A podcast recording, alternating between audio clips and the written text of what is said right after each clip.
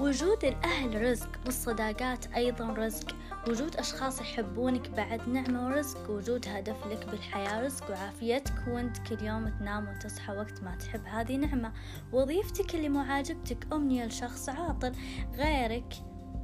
بيتك اللي ما تحبه أمنية تكون مشرد سيارتك القديمة أمنية كل شخص فاقدها صحتك اللي أنت مستهين فيها أمنية كل مريض.